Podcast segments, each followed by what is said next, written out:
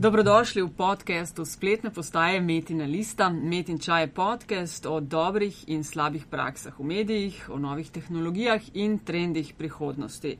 Gostje so ljudje, ki vejo, kaj govorijo, v medijih delajo, z njimi živijo in o njih razmišljajo. Podcast pa kuhava Aljaš Pengov Bitenc, Radio Chaos in Nataša Briški, Metina Lista. Naju pa najdete na Twitterju pod Afna Pengovski in DC43, aljaš proti koncu leta in že sva razmišljala večkrat o tem, da bi to temo odprla oziroma o tem več govorila. Bo pa tokrat, takšni dnevi so pa mogoče še.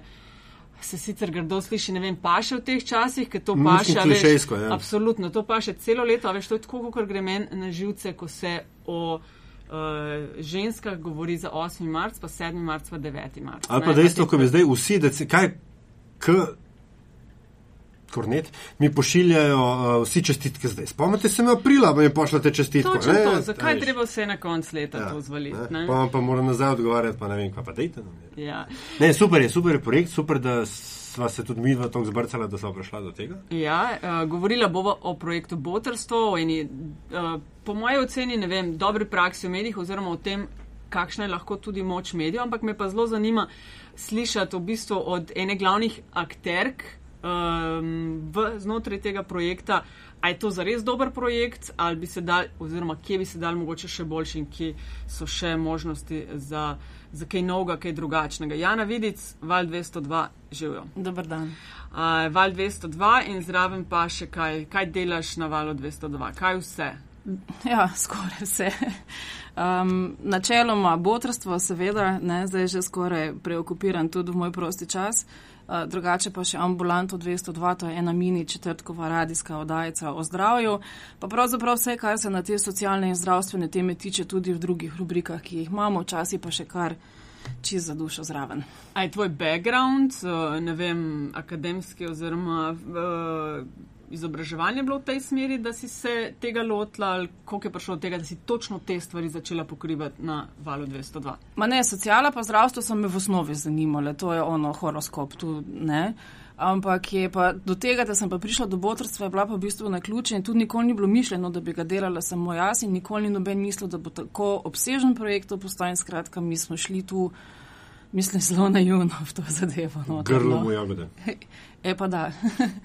Uh, šli smo pravzaprav po naključju, zato ker sodobna elektronika omogoča glasovanje za ime tedna tudi z SMS poročili in tisti denar, ki so ga poslušalci dali, smo seveda nekomu želeli nakazati. Na začetku je to bilo kar nekaj različnih dobrodelnih društv. Uh, ki smo jih seveda predstavljali v eter, poskušali, da bi ljudje kaj več zvedeli o njihovem delu in tako dalje, ampak na koncu se je izkazalo, da pravzaprav bi si zelo želeli vedeti, kdo so uporabniki, kakšne so zgodbe, ki jih prepeljajo, ker je šlo vse za humanitarne zgodbe. In uh, vsaj ti, s katerimi smo delali, nekako nismo našli stika, no, da bi prišlo do tega. Je pa res, da vsakič, ko smo imeli ime leta na koncu, smo pa imeli nekega sponzora, donatorja, ki je želel pomagati, običajno bolj kot ne po naključju otrokom v stiski in nekaj od teh zgodb sem po naključju naredila tudi jaz. Uh, no, in so mi očitno kar dobro šle, in potem, ko smo razmišljali, da bi pa vendarle naredili uh, nekaj več tega, ker je tudi denarja začelo prihajati nekaj več, smo pa zelo dolgo iskali organizacijo, ki bi bila pripravljena. Da tako rečem, igrati po naših uh, pravilih in sicer, da so otroci lahko notor anonimno, da je popolna preglednost na tem, kam gre denar, da se za organizacijo od tukaj denarja ne odvaja, uh, da torej ne more nekdo živeti v teh SMS-ov poslušalcev in tako dalje. In smo na koncu odpadali vsi tisti, ki niso mogli, ker tudi moram reči, da eh, je veliko malih organizacij, ki odlično dela, pa preprosto nima toliko uporabnikov, ker so bolj butične, da bi nam lahko zagotavljal zgodbo recimo iz tedna v teden. No in tako smo se našli za Nito Ogulin. In s projektom Botrstvo, ki je takrat obstajal že dve leti, ampak um, je v dveh letih mislim, da so nabrali okrog 200-240, sem že malo pozabila ljudi, ki so bili pripravljeni biti botri, ampak je to ostajalo en tak obskuren projekt ZPM, ZPM Ljubljana Moste Pole, ki de, res dela izjemne projekte in izjemne stvari, ki so morda zdaj po krivici ostali malo v senci tega botrstva, ki pač ima medijsko pokritost, drugi pa ne. No in tako smo se dogovorili in smo šli posnet par zgodbic, ki jim je bil cilj predvsem, da bi ljudje vedeli, o čem otroci živijo. To ni bil namen, zbiramo mi za tega otroka, dajte ravno franski, ne vem, tako dalje, ampak gledajte, to je otroke pripeljalo in pri tem ni pomembno, odkot so, kako jim je v resnici imel vse tako dalje, ampak to so povedali. No in se je začelo strašno nedolžno. Um, jaz sem šla, moram reči, čeprav sem imela takrat že otroke, popolnoma nepripravljena v to, kaj se nam v resnici dogaja. Jaz sem bila pripričana, da otroci iz socialnega dna imajo kosila, da so denarne socialne pomoči nekaj, s čim ti lahko vse hrano kupiš. Skratka, bila sem naivna, kot se mi zdi, da v tej naivnosti za nalaš ali pa ne še dan danes ostaja večina ljudi. No in potem vse ostalo, kak je, je pa zdaj že legenda. Uh, čakaj, se pravi, uh, Val 202, ko ste našli to organizacijo, uh, ste začeli tesneje sodelovati. Oni so tisti, ki imajo ne vem, ta registr pomoči potrebnih družin. Otrok. Tako, mi smo v bistvu samo, da zdaj rečem, PR. Ne? Njihov, mi samo uh, smo nekakšna medijska podpora temu. K nam ne pride en paket, k nam ne pride en denar. Skratka, Val 202 in javna hiša, v kateri delam, nima popolnoma ničesar za projektom v smislu, da bi karkoli teklo skozi njo, razen seveda programa, ki na nek način to, to akcijo oglašuje. Vse ostalo vodi projekt ZPM Ljubljana Moste Polje. Uh, oni imajo tam poseben registr otrok, ki so v botrstvu. V botrstvo pa lahko pride vsak otrok, ki ima poleg vsega, kar je država zahtevala od njih, njihovi staršev, da so dobili za vse socialne pomoči, otroške dodatke in tako, še nekoga, ki je uraden otrokov predlagatelj, kar pomeni, da on jamči da v resnici drži vse tisto, kar je pisalo v papirjih, oziroma da ve o tej družini tudi nekaj več, ker ti papirji pravzaprav zelo veliko krat nič ne povejo o družini. So samo neka podpora temu, kar govorijo, lahko pa govorijo tudi posem napačno zgodbo. In ko ti nekoga imaš, ki je, pre, prijav, ki pravzaprav je predlagatelj, uh, na nek način tudi jamči za to, da to pozna. Uh, se sicer zelo veliko krat pri tem tudi zatika, sploh centri za socialno delo, glede na to, kakšna je organizacija tam se se zatika, da bi prevzeli še tako neko dodatno delo, jih tudi v marsičem popolnoma razumem, uh, ampak načeloma ja, je treba biti aktiv, ni se samo to predlagam, Joško ta zdaj pa ga imate tu, pa ga imate v botrstvu, ni, je, ima ta predlagatelj tudi vlogo. Mhm, se pravi, oni. Uh... Je neka registra otrok in ja. potem mora predlagatelj predlagati enega od tistih. Ne, ne, otrok pride v ta registr zato, ker ga je nekdo predlagal, ker je nekdo predložil vse papirje in ker je tisti, ki na botrstvu delajo, zdaj sta to, mislim, da že dva uh, tam zaposlena, uh, sta tega otroka sprejelo uh, v, v, v ta listo čakajočih. Na to je bilo treba počakati, uh, na, na to, da se najde nekdo, ki bi temu otroku bil botr. Zdaj trenutno mislim, da jih okrog sto takih čakajočih otrok in vedno jih je več čakajočih, kot je botrov. Takrat ta, ta človek iz ZPM uh, eh, Moste polje poveže um, pravzaprav anonimno enega in drugega. Botr uh, ne ve, kdo je otrok, dobi samo osnovne podatke, je fantek star 8 let, mislim, da je celo ime zraven, ne povejo o regiji nič, pač pa o nekaj, nekaj o zgodbi in o tem, kam, zakaj bi se ta denar domnevno porabil. To je pa pomembno zato, ker imate tudi seveda družine, ki so zelo nezanesljive, kar se take porabe denarja tiče, kar pomeni, da v tem primeru predlagatelj reče, predlagam, da pošljete na šolo, ne vem, če gre uh, za neke dejavnosti, ker tistemu, ki izvajajo dejavnosti, skratka, poti, da, da gre k tistemu, ki, ki bo zagotovo s tem denarjem znal ravnati. Vse niso velike vsote, ne? ampak če nekdo da, mora vedeti, da je prišlo prav. Aha, imate določeno, imajo določeno za botra, koliko nekak je predviden mesečni znesek? Minimalni, ja, minimalni mesečni znesek je 30 evrov. In na začetku so se ljudje res tega držali, potem je pa seveda bolj, več kot je bilo teh zgodb v etru, več kot bolj, ko so ljudje dojeli, kaj se nam je v resnici zgodilo. Več je bilo tudi ljudi, ki so si želeli na nek način pa svojemu otroku pomagati še, še bolj. Tako da zdaj je dogovor tako 30 evrov najmanj. Eh, če pa kdo pošle več, če kdo hoče poslati paket, če ne vem, bi rad mu plačal počitnice, če bi rad plačal šolske potrebščine, se pa to da, ampak še vedno z vmesnim členom nekom iz ZPM Moste Polje, ki ohranja anonimnost na obeh koncih. Na obeh koncih je pomembno vedeti, da, da sta človeka anonimna. Mm -hmm. Tudi otrok oziroma njegova družina ne more vedeti, kdo bo to. So pa ti otroci in družine, kljub temu, da gre skozi eh, to zvezo Ljubljana Moste polje iz vse Slovenije? Ali? Absolutno iz vse Slovenije. Zdaj pred kratkim so sodelavci na ZPM-ju naredili eno analizo, jih je večina iz osrednje regije, ampak seveda osrednja regija je od Kamnika pa do Kopene. Tako da to je res tudi zaradi tega, ker je ta osrednja slovenska regija taka. Pa še nekaj je zelo pomembno, uh, ko sem govorila prej o predlagateljih. Ne, uh, zato, da ti otroka najdeš, da se potrudiš, da tudi starši prosijo za pomoč, da, da skratka, da to, to je en, vendarle en vs proces. Uh, moraš imeti nekoga, ki ti je sogovornik na drugi strani. In so regije, recimo na Gorenskem, preprosto je izjemno malo sogovornikov, ni, ni niti v centrih za socialno delo, niti ne vem, v nekih lokalnih organizacijah, preprosto ni ljudi, ki bi se to v botrstvu šli. To ne pomeni, da tam nič ne deluje. Seveda so izjemni projekti drugi, ampak nekako recimo iz Gorenske otrok največ manjka, medtem ko pa tukaj, kjer so malo bolj vezani na Ljubljano, pa, pa tudi očitno boljše sodelujejo, ne vem, ZPM, ti lokalni ZPM, so pa stvari recimo veliko boljše. No. Mm, sem še tole, Ljaš. Tvoj del pa pride, se pravi, ti s tem delom, o čemer si zdaj govorila, in val ne, ne nimata nič. Prideš takrat, ko, reč, ko imate na sporedu oddajo, oziroma ne vem koliko dni prej, ko začnete snemanjem? Načeloma je tako, ne? ampak ja. uh, jaz si ne morem pomagati, meni je zelo žal. ne samo, da hočem imeti pač, uh, če sem jaz glas in, in nekdo, ki stoji za tem projektom medijsko, jaz hočem vedeti, kako te stvari laufajo. Jaz tam tem bogim revežem skozi žim nekaj, pa kaj je novega, pa kako to gre, pa a res, a tu so paketi prišli, a je to ali ne. Uh, upletam se včasih v neke stvari, ne upletam, no, povezava sem, kot ste malo prej slišali, med nekom, ki bo šel na počitnice, pa nekom, ki mu je to omogočil, pa tako dalje. Vse probam, da bi bilo tega čim manj. Je pa tudi res, da v bistvu ne moreš biti izuzeti iz tega, ker ne glede na vse. Ne glede na to, koliko je projekt prepoznaven in zaupanja vreden in tako dalje, si nekateri ljudje ne želijo imeti nič z nobeno humanitarno organizacijo, ampak želijo na nek način, da je nekdo neutralen, v tem očitno vidijo mene, povezava med tistim, ki bi mu radi donirali.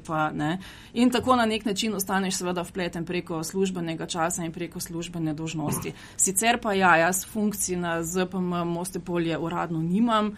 Uh, moja šefica je v nadzornem odboru, tako da zagotovo vemo, kaj je s financami in kako te stvari grejo. Uh, jaz pa tam funkcije načeloma nimam. No, ko si finance omenila, to tri leta zdaj sodelujete skupaj, koliko denarja ste skupaj zbrali? Zdaj od začetka, če štejemo, da so bili dve leti na začetku eni pač poskusi tega, da bi ta projekt stekel, pa ni, čisto od začetka do zdaj je bilo zbrani 3 milijone 600. Uh, od tega, no, kar res recimo lahko rečemo, da vemo, da je bilo za. Wow. Ja. Meni se to zdi ogromna številka, ali jaš. Ja, je veliko. Ja. Mislim, tega velik. ne bi smelo biti, da se razumemo. Ne? Ja, ampak zdaj, če je, do ta čas, ko bomo mi postali zrelejša družba, je pa odlično, da je.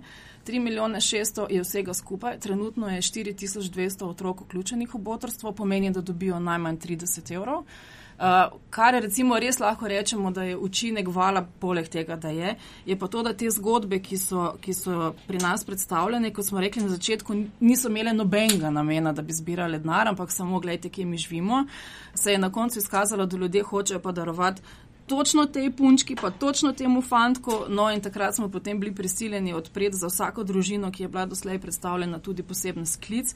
In samo na teh sklicih, za recimo in v narekovajih naše družine, je bilo zbranih do zdaj 340 tisoč evrov, kar se mi zdi pa res ogromno. No. Vse ravno to, ne?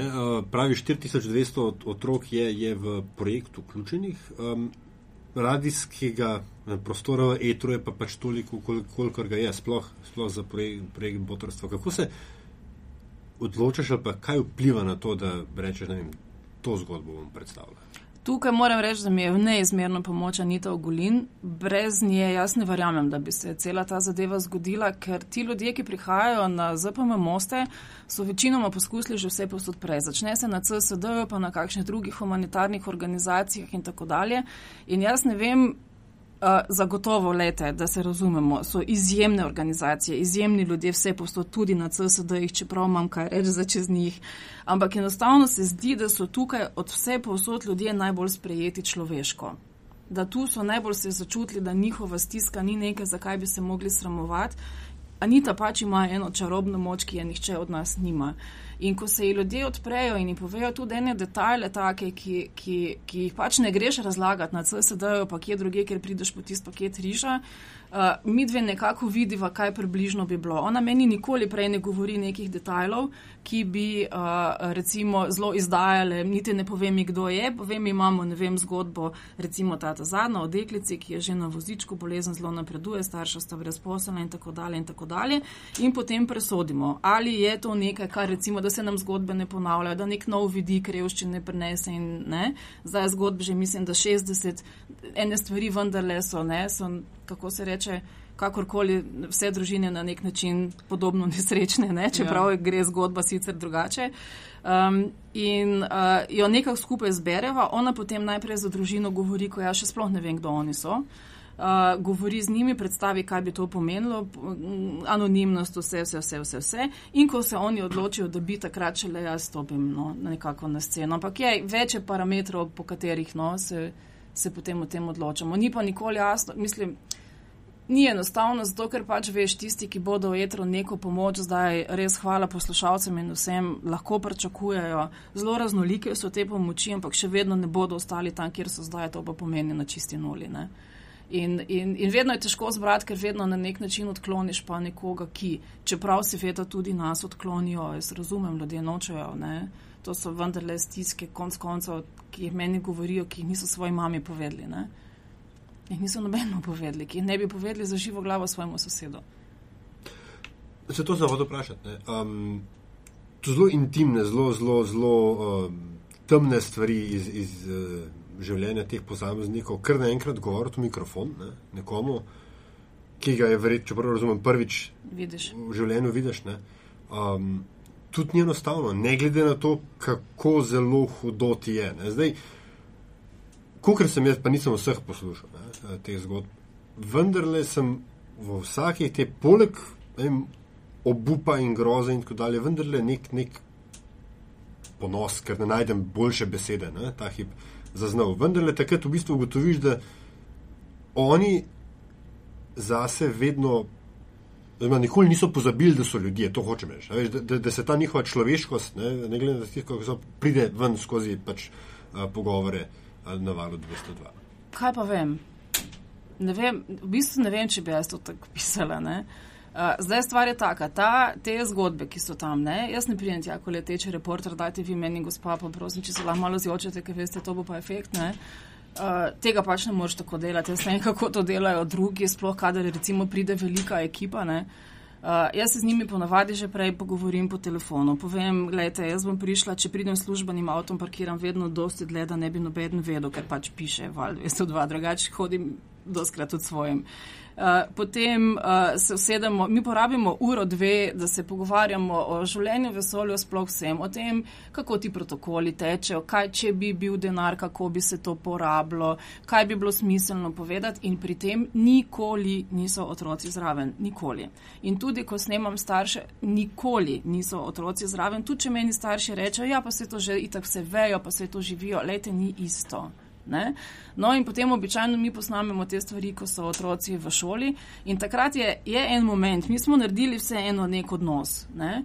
Uh, drugič, oni res, mislim, meni res Anita odpira vrata. To, da so oni bili sprejeti tam kot ljudje, potem, ko so bili toliko krat zavrnjeni, vsaj v večini primerov. Uh, potem, ko so večinoma zgubili socialno mrežo, ki so dolžni še na vse konce in več ne hodijo nikamor v družbo in ne na kave in nek sosedom in po noči nosijo smeti ven, zato da jih ne bi noben videl, ker so itak nekomu že dolžni.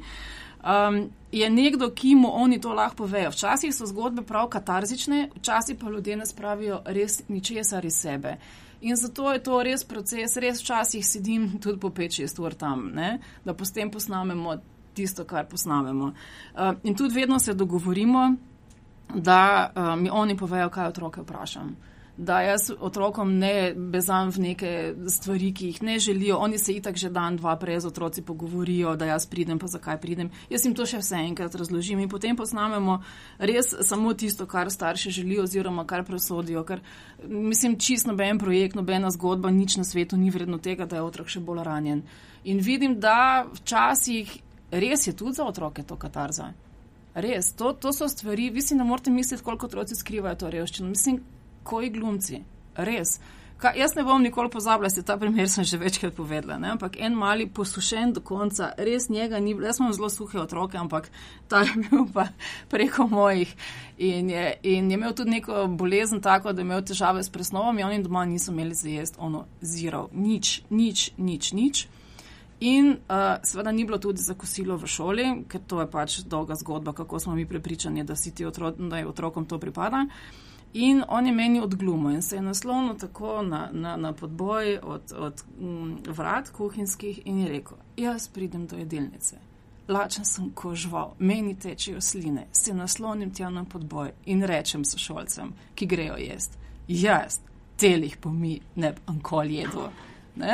In si seveda in kupijo to vsi, kar meni najbolj skrbi, je to, da kupijo to trešice, pa kupijo to ravnatelj, pa kupijo svetovalne deloke in kako ne vidijo. Jaz tega ne morem razumeti, če so to ljudje iz foha, ampak jaz že itak vedno manj razumem v tem celem sistemu. Ampak ja, otroci so glumci, blazno glumijo, blazno se skrivajo, sto milijard izgovorov, zakaj oni ne hodijo v kino, zakaj ne na izlete, zakaj nimajo tega, zakaj nimajo onga, uh, jih imajo. Ne? Uh, in zato se mi zdi, da včasih to dosežemo, včasih tudi ne. Tudi jaz nisem čarovnik, tudi jaz ne sedem vsakomor, tudi ne, so tudi najstniki, recimo, ki si več ne dajo, pa res nikomor blizu. Ampak včasih se mi zdi, da, da so tudi oni katarzični. No, pri tem, ko končno lahko nekomu povejo, le, hej, ful mi je bed. Si posnela zgodbo, ki je nisi objavila? Aha, ja. Sem, ne enkrat. Ja. Kje nisi objavila? Um, nisem jo objavila zato, ker se je na koncu izkazalo, da so bili pa vsi predobri glumci, da stvari niso štimale, da so bili vsi papirji ok, da je Center za socialno delo govoril, da je to res zgodba za dolpast. Pa pa vidiš, že ko prideš tja, pa ta peturni pogovor prej tudi marsikaj odkrije, ljudje se zapletajo in tako dalje.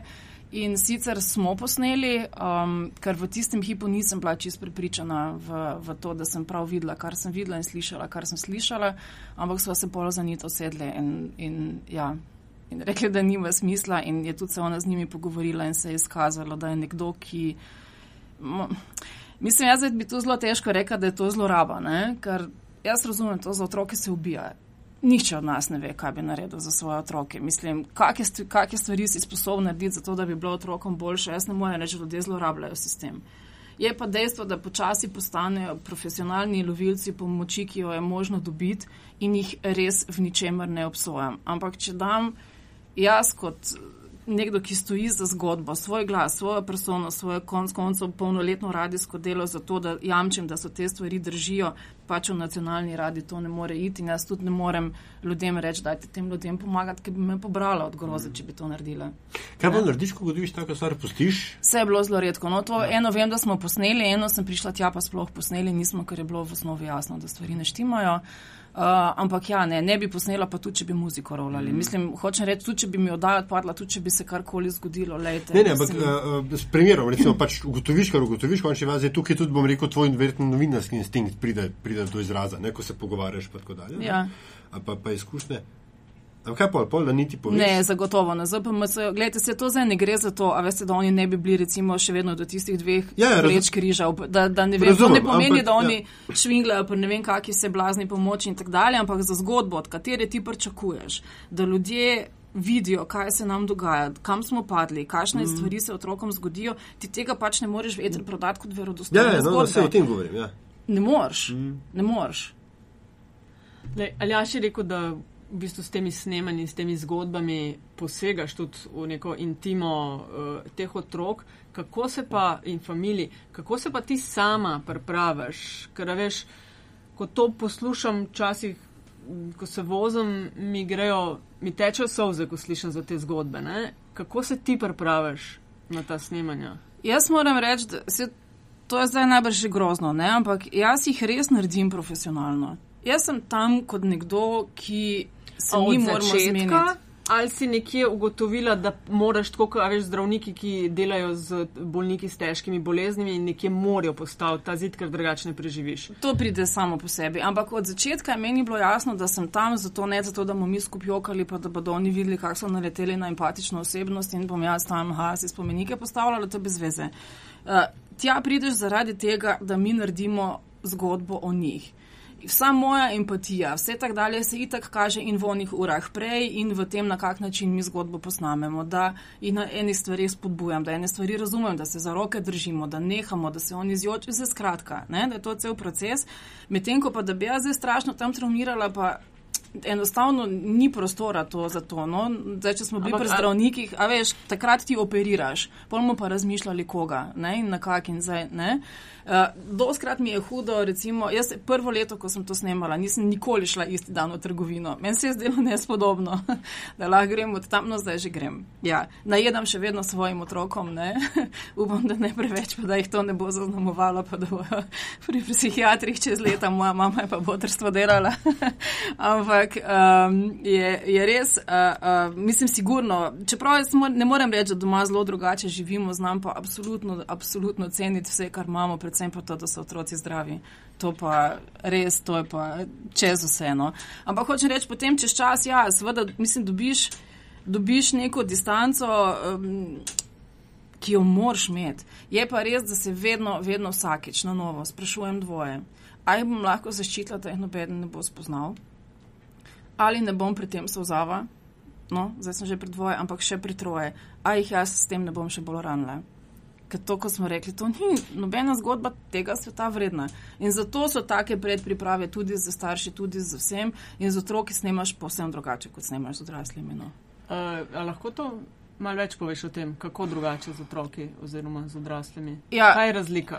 Pri odraslih gre seveda tudi za to, kaj v življenju se jim je zgodilo, kaj je tisto, kar ne vem, ne, ti greš tudi na nek način neko poklicno pot. Ljudje so se blazno zakockali z nekimi investicijami, naredili absolutno tudi kakšne napačne poteze v življenju, kot jih je vsak med nami. Uh, in tako dalje. In seveda tam je treba zelo razčistiti, kaj vse so oni in tako dalje in zakaj ne. In konc konca meni zade vedno laufa tudi en, en program o tem, no, kam bi se pa dalo tam pomagati. Jaz lahko kličem na našo brezplačno pravno pomoč, pa prosim, Matejo, dajte tja vlogo, dajte proba tisto, dajte ono ustaviti.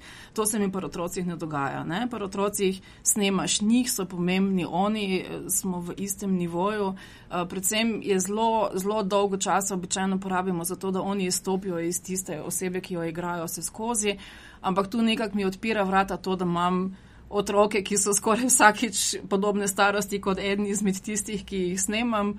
Uh, in se najdemo tu na, na, na neki točki, ko mi ne vem, nekdo reče, da si sploh ne želim novih čelov. Pa rečem, hej, le, ne, men, no, a veš, jaz bi si jih pa ful. Ne? In potem običajno pridemo do tega, in ne, valjda, nekdo si jih pa ne želi. No. Mm ob vseh tistih vprašanjih, ki si rekla, teh dveh, treh, ki se vprašaš, se pravi, se vprašaš vsakič znova, a je prav to, kar delam. Jaz mislim, da še leta potisnem, ko bomo ta projekt zaključili, ne bom čist pripričana, a je bilo v redu to, da smo to naredili ali ne. Res.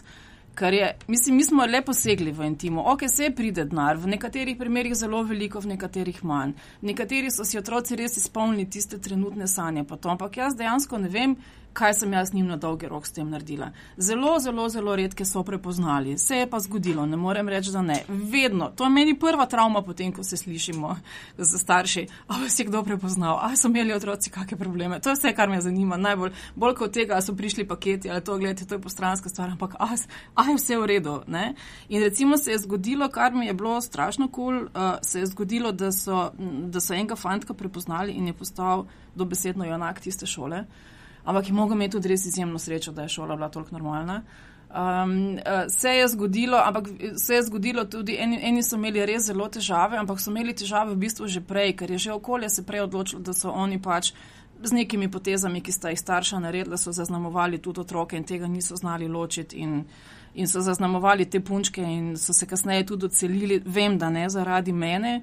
Um, vem, da bi to se stvari ne čist nič drugače zvile, razvile in je bilo pa v tistem hipu recimo vse finančno lažje. No? Ampak ni, to ni, to, jaz mislim, da nikoli se mi ta dilema ne bo nehala.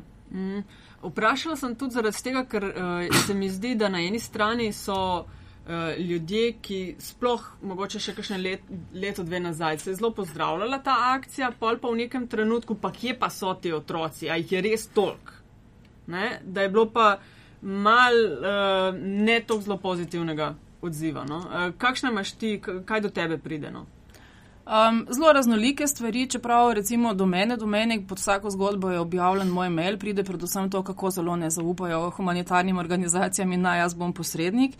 Uh, je prišlo recimo na začetku zelo veliko tega, ne? da je to brez veze, pa starši ne znajo, pa se mi vemo. Recimo do kolegov, ki so se na drugih medijih odločali, da zgodb ne objavljajo anonimno, ampak da vsakeč identificirajo otroka, dajo kako žalostno fotko zraven in tako dalje. Do njih prihajajo recimo mnogo bolj besni uh, odzivi od tega, da vsak točno ve, kje so ti starši ga polomili. Vsak točno ve, da ona pa čike kadi zjutraj, vsak točno ve, da oni pa imajo nek avto in tako dalje in tako dalje. Skratka, tisto se obsoja na veliko in imajo ti kolegi recimo velike težave.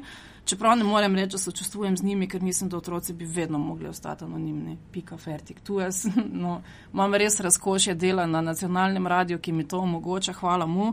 Če bi delala v komercialnem mediju, bi najbrž morala razmišljati drugače, ampak mislim, da me ne bi bilo zraven. Res. Jaz mislim, da to ni vredno. No. Pomoč je super, pomoč je krasna, rešuje življenje, rešuje vse živo, ampak gledajte, v primerih, ko je revščina taka stigma, kot je pri nas in bo še dolgo ostala, jaz mislim, da to ni vredno. Kam pa ti hodiš? Kaj pa ti narediš, da, da rečem, postaneš zdrava v glavo? Ker po vsem tem kako si filtriraš. No, veš, um, ne, vse to mi ja. daje zdravje v glavi. Ne? Ja, ampak dobro, ampak gledaj, Nataša je nekaj spraševala te v zidu in tako dalje. Itd., itd. Ampak ko vse te stiske vidiš, ne, uh, ko jih slišiš, ko jih, ko, ko jih posnameš. Jaz si predstavljam, da to tudi na te vpliva, pa ne samo sem hvaležna za, za, za moje otroke, pa so zdravi, pa da pač imamo, kar imamo, imate, kar imate, ampak uh, vsa ta slabe stvari, ki se drugim ljudem zgodijo, se da ne vpliva to na te. Na, mislim, veš, kaj meni je to? Mislim, da bi, prosim, te prekina, mislim, da bi psihiater rekel, kdo je tvoj supervizor. No?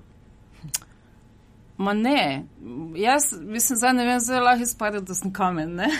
ne morem reči, da se me ne dotakne, ampak stvar, ki me res v obup spravlja, niso posamezne zgodbe, ker na nek način smo se s temi ljudmi nakonektali, na nek način spremljam, kakšno pomoč so dobili, koliko so se jim stvari spremenile, koliko, koliko, koliko. koliko In z mnogimi smo celo ostali v stiku in še zdaj vem, kaj z njimi se še slišimo, kdaj kako risbico pošljajo in vidiš, da le niso mogoče splavali za Ever, ni rešilo vseh problemov, v tistem hipu so se počutili ljudje in niso jih spoznali.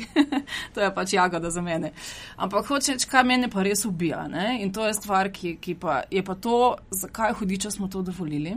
Kako se nam je to sploh lahko zgodilo in kar je še hujše, kaj zdaj, ko vse vemo, ko smo narisali, napisali in izvedli vse performance, v katerem bi vsakem budali moglo biti jasno, kam smo prišli, zakaj to tako puščamo, zakaj volimo iste ljudje, zakaj so ljudje, ki so tako zelo slabe zakone sprejeli, recimo na socialnem področju, samo še napredovali? In gledajte, tudi bodo. Kako smo lahko tiho, kako smo lahko Ne, ko enkrat vidimo, kaj se nam je zgodilo, ko so jasno, da na brezplačni pravni pomoči delajo stvari, ki jih ne bi smeli delati, ker se ne bi smeli zgoditi in ko bi se prvi primer mogel zgoditi, bi mogli se vsi upravičiti in reči: oprostite. Ne? In smo vsi tiho, e, to me pa ubija, tu pa s tem pa vedno teže živim, res. To me, to mene tudi zanima. Ne? Zbrali ste 3 milijone pa pol vseh teh letih, ogromen denar in če te razumem, follow-upa, ki bi mogel biti na sistemski ravni, ne? ker eno je zbirati denar, pa v kuverto, pa prnest na dom, ampak ustvariti pogoje, da teh kuvert ne bi bilo treba vsak mesec nositi, ne mislim, sej ne sanja, vedno bo, bodo ljudje, ki bojo takšno pomoč tudi potrebovali, ne glede na vse. Ne? Ampak uh, pogovarjala sem se pred dnevi v domu Malče Beličeve, ne? so mi vzgojiteljce tam isto rekle, ni otrok vse manj, vse več jih je. No, se zdaj letos prvič tudi statistika to pokazala, če se že moramo loviti na to statistiko, če nas že ne moti, da je en otrok preveč, tudi če bi bil samo eden. Ne? Ampak je, lej, Botrstvo je bilo narejeno zato, da bi negovalo in spodbujalo v otrocih presežke, ne? ker ljudi, otroci iz socialnega dna imajo bore malo, večinoma, bore malo podpore doma. Kar pomeni, da za njih je blazno pomembno, da lahko nek svoj talent razvijajo, da lahko hodijo vem, na šport, na violino, na karkoli, da so v tem enaki, ker v šoli, verjemite mi, niso. Ne? In temu je bil v osnovi namenjen. No, potem se je pa zgodila, skoraj sočasno, ko je val prišel zraven, se je pa zgodila nova socialna zakonodaja, 1.1.12. in je naredila katastrofo, res katastrofo. In od tam smo mi prišli na to, da botrstvo gre za kruh in mleko. Ker veste, te generacijske revščine je pri nas razmeroma malo. Ker je pač socializem ni pustil. Tisto, kar si mi predstavljamo kot fotogenično revščino, kjer je že babika, vsa boga tam bila v eni ilov na tekočici in zdaj so tam še trije vnučki in se nič ne premakne, tega je razmeroma malo. In tudi ti ljudje znajo živeti z njo, čeprav je katastrofa, da morajo, ampak bolj znajo. Večji problem so ljudje, ki so pred petimi leti še živeli čisto kul, cool, ki so vzeli si kredit in so imeli povsem drugačna pričakovanja od življenja. In to, da so oni padli od tam, ni bil samo finančni padec, bil je psihični padec. Ti ljudje so otopeli, ti ljudje so sebe razočarali, razočarali otroke, razpustila se je socialna mreža in je nimajo več, to so depresije, take se ti meša, to so nefunkcionalni starši, bodimo iskreni. Ne? Uh, In to je to, kar to prinaša, in o tem se mi ne pogovarjamo in ne probamo spremeniti ničesar, in meni to ni jasno. Kje se ne pogovarjamo? Val 202, recimo, predvsej pozornosti temu daje. Kaj, govoriš za medije, se ne pogovarjamo, govoriš za zakonodajalce, politiko, kdo? Kje, ne, kje se čutiš, ja, kdo bi lahko več podprl? Absolutno zakonodajalec, pa nekdo na ministrstvu. Jaz pač ministrstva, se jih je več, ki urejajo to področje. Jaz tu pač razumem um, vedno narobe. No? Jaz si pač mislim, da, je, da bi ministrstvo moralo biti zaveznik za tistega, ki, ki to pomoč potrebuje na kakršen koli način. Šolstvo, zdravstvo, sociala ni pomembno. E, ministrstvo vsako je pa zaveznik vsakokratne politike, proračunskih sredstev in vsega, kar je meni nedojemljivo in mi nikoli ne bo meni žal. Jaz sem zelo slaba državljanka, kar se tega tiče. Res. Meni se zdi, da pač državo narediš za to, da bolj ko si zrela država, bolj znaš poskrbeti za svoj najšipkejši člen. Ne? Da vsi nekako plujemo naprej, ker zato jaz dajem za zdravstvo ono to, da ima tudi Franska, ki iz nekega razloga za to ne more zaslužiti. To se meni zdi smiselno. In da franskini otroki, ne glede na to, ma tudi če ona enega zjutraj pržge, tudi če je kaj v življenju narobe naredila, da franskin otrok tega ne čuti tako zelo, kot ga čuti zdaj. In tu se ne premikamo nikamor, nikamor te male, drobne kozmetične spremembice, ki vsake toliko plunejo, lejte, to je pesek v oči. Je, mi se sistemsko tega nismo lotili do zdaj. Mislim, zgodba o, pardon, mm, se pravi, lačnih otrocih v osnovni šoli in tako dalje, ravno dve leti nazaj, pred dvema letoma, ten takrat še se nekako izbruhnila. Ne? In se prav spomnim, um, tam čez v parlamentu je bila neka besna seja, na, zdaj ne vem, enega od Zujfa ali kva so pač nekaj so sprejemali. In vse, kar je bilo treba, je, da je 3000 študentov in profesorjev Doblanske univerze naredili živi obroč okoli okol, um, parlamenta in se je v hipu, ampak v hipu našel 40 milijonov za um, prehrano v osnovnih, pa, pa, mislim, da tudi v srednjih šolah, pa še nekaj tako dalje. Hočem reči, nočem zdaj, bom rekel, politizirati, kritizirati, tako dalje, delam to dovolj na drugih kanalih, ne? ampak um, ni, se ti ne zdi mogoče, da na tej ravni, da ta še poanta tega pogovora so dobre prakse v medijih, ne? da je mogoče pa tukaj še nekaj prostora, da se narediš. Pa ne sprašujem, zakaj ti tega ne, redi, ne narediš, ker si že veliko naredil. Ampak Kdo drugi, za, za, za, če smo že zdaj v obdobju eh, tega, ko mediji govorijo, kako naj delamo in pač neke nove samoregulative in kaj pravim, kaj je narobe, zakaj? A je, drugač, a je mogoče zdaj trenutek, ko mediji zah, bi zahtevali ne a, a, splošne rešitve, čist konkretne. Zakaj ne, da mediji zahtevajo od oblasti, da je do vem, leta, konca leta 2016 tok in tok manj deprivilegiranih otrok? Lej, to... Ni nam to na agendi, ne? Moral, to vem, da nam ni, ampak bi nam morali biti. Ja, bejšno. ne, mislim, ja, da je nekaj vprašanja, ni tako enoznačno. Ne, ne, ne, zdaj pa poglej, zdaj pa poglej, katerikoli uh, poročila, dnevnik, ni važno informativno oddajo, ki jih mi tukaj imamo. Kaj imaš noter? 90 odstotkov parlamenta, kaj kdo rekel, kaj kdo na tisto rekel in kaj kdo česa ni rekel. Fakt. Potem imamo vse ostalo zapolnijo tiskovne konference, ki jih zdaj vedno bolj probamo pač, da se to v bistvu niso bile tiskovne konference, pač pa smo se mi spomnili te teme. Uh mhm, -huh. Mhm. Potem imaš malo črne kronike in potem imaš malo še česa. Razen tam tisto iz naših krajev, pa še to je super, če je politično, mi teh vsebin nimamo. Mi smo čisti služni tega, kar nam na agendo dajo PR-ovci. In ko bom jaz velika in bom urednica informativne oddaje, haha, bodo stvari iz politike in parlamenta prišle tam nekje pred usmrtnicami v tri minutni blok, če si bodo to res zaslužili. A veste, ker preprosto, mislim, ljudje, to, kar mi imamo v medijih, je čisti fake. Mi imamo občutek, da če ne bomo spremljali dela parlamenta, da kaj bodo pa oni vse drugače naredili in kaj vse nam bo pobegnilo, dajte no. Cirman je dal na prvo stran dnevnika čisto vse, kar smo rabili vedeti v tej državi, mislim, sorry, Cirman, no, ampak še mnogi drugi. Kaj se je zgodilo? Kaj mi še rabimo vedeti več o tej politiki? Ha? čist nič več od tega, kar vemo. Ker in vsakič na novo, ko vemo za neko afero, ko nekaj, nekaj, nekaj, ne, mi samo vemo. In kar mi je zadnjič, recimo, dr. Brecl Kapa dol rekel, kar recimo on v, v, v zdravstvu opaža, ne, če je recimo na projektu um, operacijskih mis, pred leti je bilo še tako, da so novinari to spremljali do spremembe, gre zdaj, ja, afera, vsi smo tam, zjutraj luči pržgane, mislim to, ali boste odstopili, čez 24 ur ni ničesar več. Zgodbe noben ne spremlja, noben noben ga ne pokliče na odgovornost, razno on ga vprašanja, ali boste odstopili, ma tisto prvo minuto. Kje ste potem naslednje nadaljevan zgodb, ni spremljanja, ni vztrajanja, ni na nekem prav? Zakaj? Ker gledajte, toliko je bilo tiskovnih konferenc naslednji dan, da nismo več folgali, mi moramo to vse pokriti. Za koga čistočno? Lejte, veste, ko je ta agenda nastavljena, da smo mi ene sama mašila vsega tega, kar so nam PR-ovci ponudili. Ne? Jaz mislim, da če bi STA mrknil za en dan in ne bi imeli vnaprej pripravljenega, a veste, tiste agende, kje so vse te skovke, da jaz ne vem, jaz mislim, da bi se poročila končala v petih minutah, pa še to bi bilo štiri minute vremena. A veste, tak je, tak je ta agenda nastavljena. Mi se ne menimo o resnih zadevah. Mi se ne menimo o tem, kaj se nam je zgodilo in kaj bomo to spremenili. Kje imate to? Ne? Veste, to, kar življenje je, tega v poročilih ni, nam se pa zdi, da poročila so pa tisto, kar je naše življenje. Milijardo let daleč od tega. In zato jaz nikoli ne bom urednica informativnega programa. Ej, od uh, prve do zadnje črke, to, kar si zdaj govorila, vse podpišem. Od tega, kakšno agendo uh, nastavljamo, uh, da nam pravzaprav s temi PR-lisi uh, in sporočili narekujejo, kaj in kako, da niti ne omenjam plosk, plosk tole z STA-jem.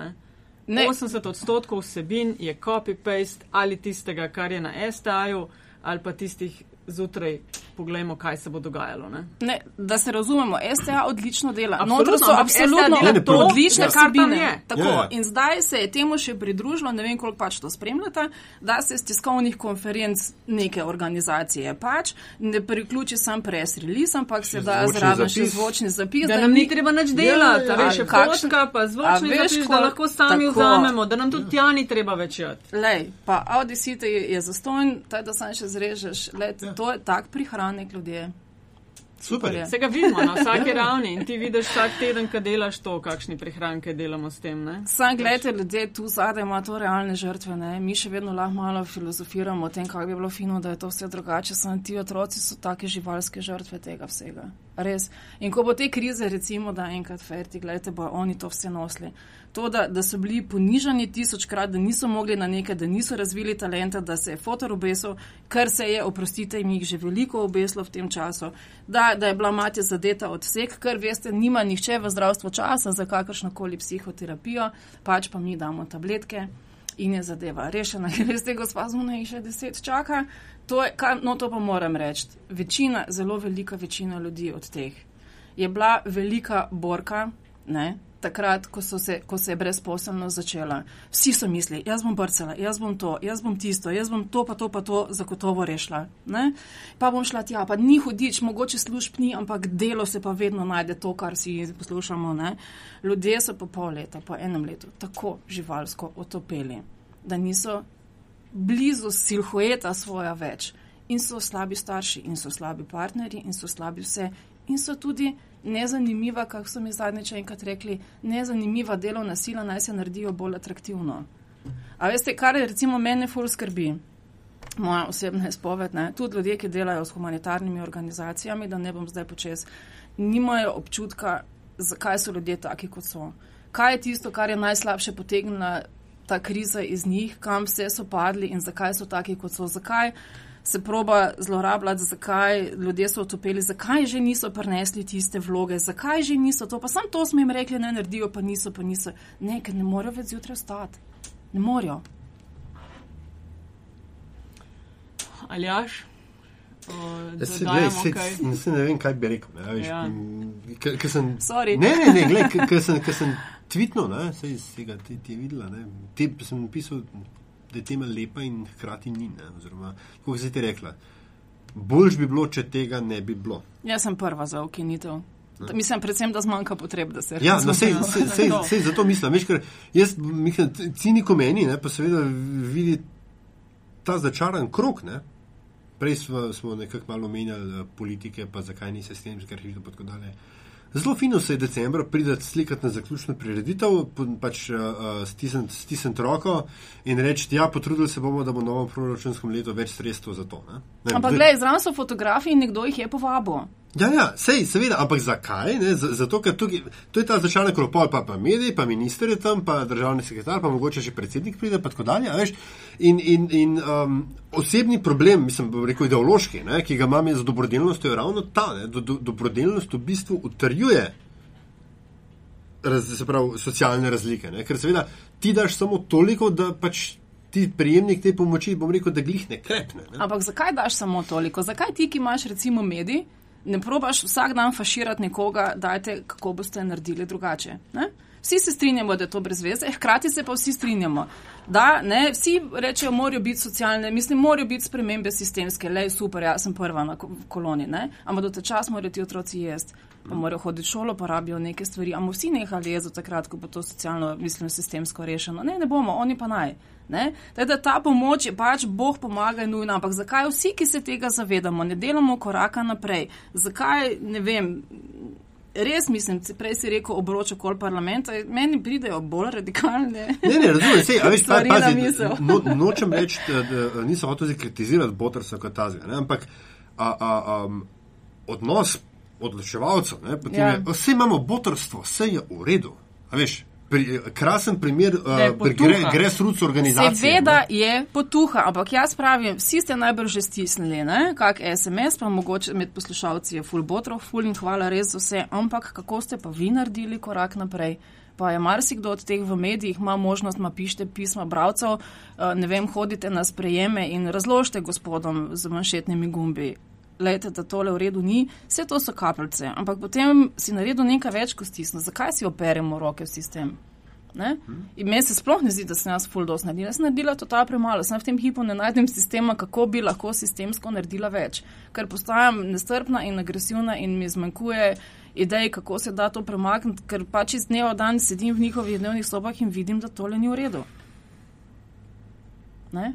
Ampak stisnemo pa vsi SMS, jaz naredim kakšno zgodbo, kaj smo naredili naprej, kam zdaj naprej, zakaj niti znanih zgodb ne spremljamo naprej, če smo že rabili nekoga, da nam jih je povedal, čeprav imamo vse pred očmi ljudmi. Ne?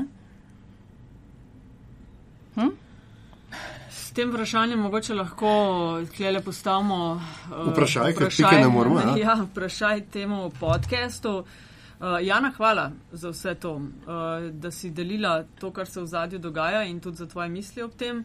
Uh, vsak podcast pa zaključujemo z neko zanimivostjo. Gost, gostja nam pove nekaj, kar ne vemo, pa bi mogoče mogli vedeti ali pa bi znalo zanimati uh, širšo publiko. Uh, izvoli.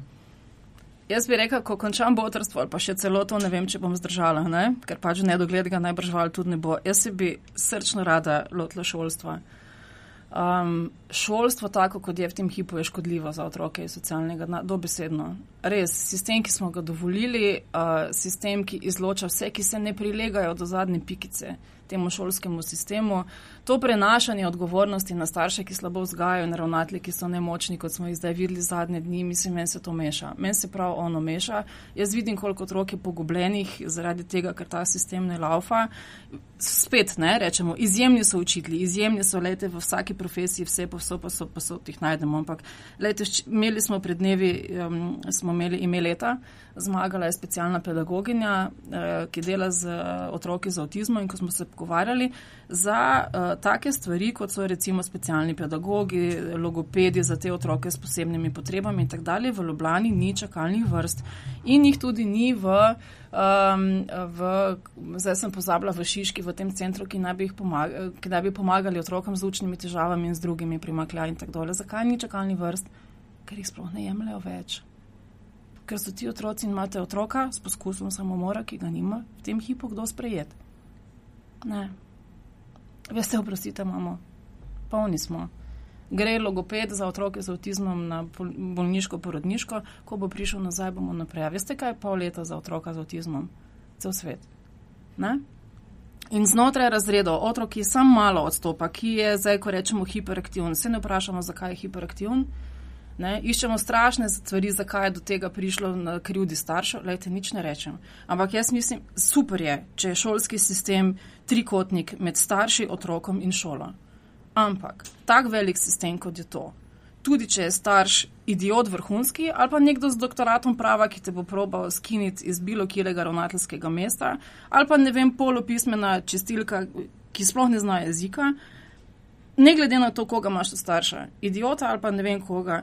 Ta, tudi kot premica mora ta sistem laufati. Šola in otrok morata biti dober sistem. Šola mora biti podporni sistem otroku, ne glede na to, kaj je njegov starš in tako dalje. Šola to ni. Šola ni varna mreža, ki pre, te otroke objame tik preden treščijo na tla, ni nekdo, ki jim nudi podporo, ko ga doma nima, ni nekdo, ki vidi nekaj dobrega v njem, ki je na njegovi ravni in mu pomaga naprej. Milijardo let od tega. Si predstavljate, da bi zdravnik rekel, veste kaj, jaz pa tega otroka ne bom zdravo, zato ker njegov starš pa zune šole, pa ne vem, to pa to pa to dela. Kar se je recimo zdaj zgodilo. Ne more to biti. In otroci se potapljajo in izgubljajo svojo prihodnost tudi v šolskem sistemu, in meni to v tem hipu zelo težko pade drugače pa, ko bom velika, bom pa zelo dosti brala, pa ful poslušala stvari, pa prevajalka z hrvaščine bom tako. Jana Vidic, hvala. Prosim. Hvala, ker si. Ali ja še ti kaj dodaš? Ne, to je to. To je to. Okay. Hvala lepa.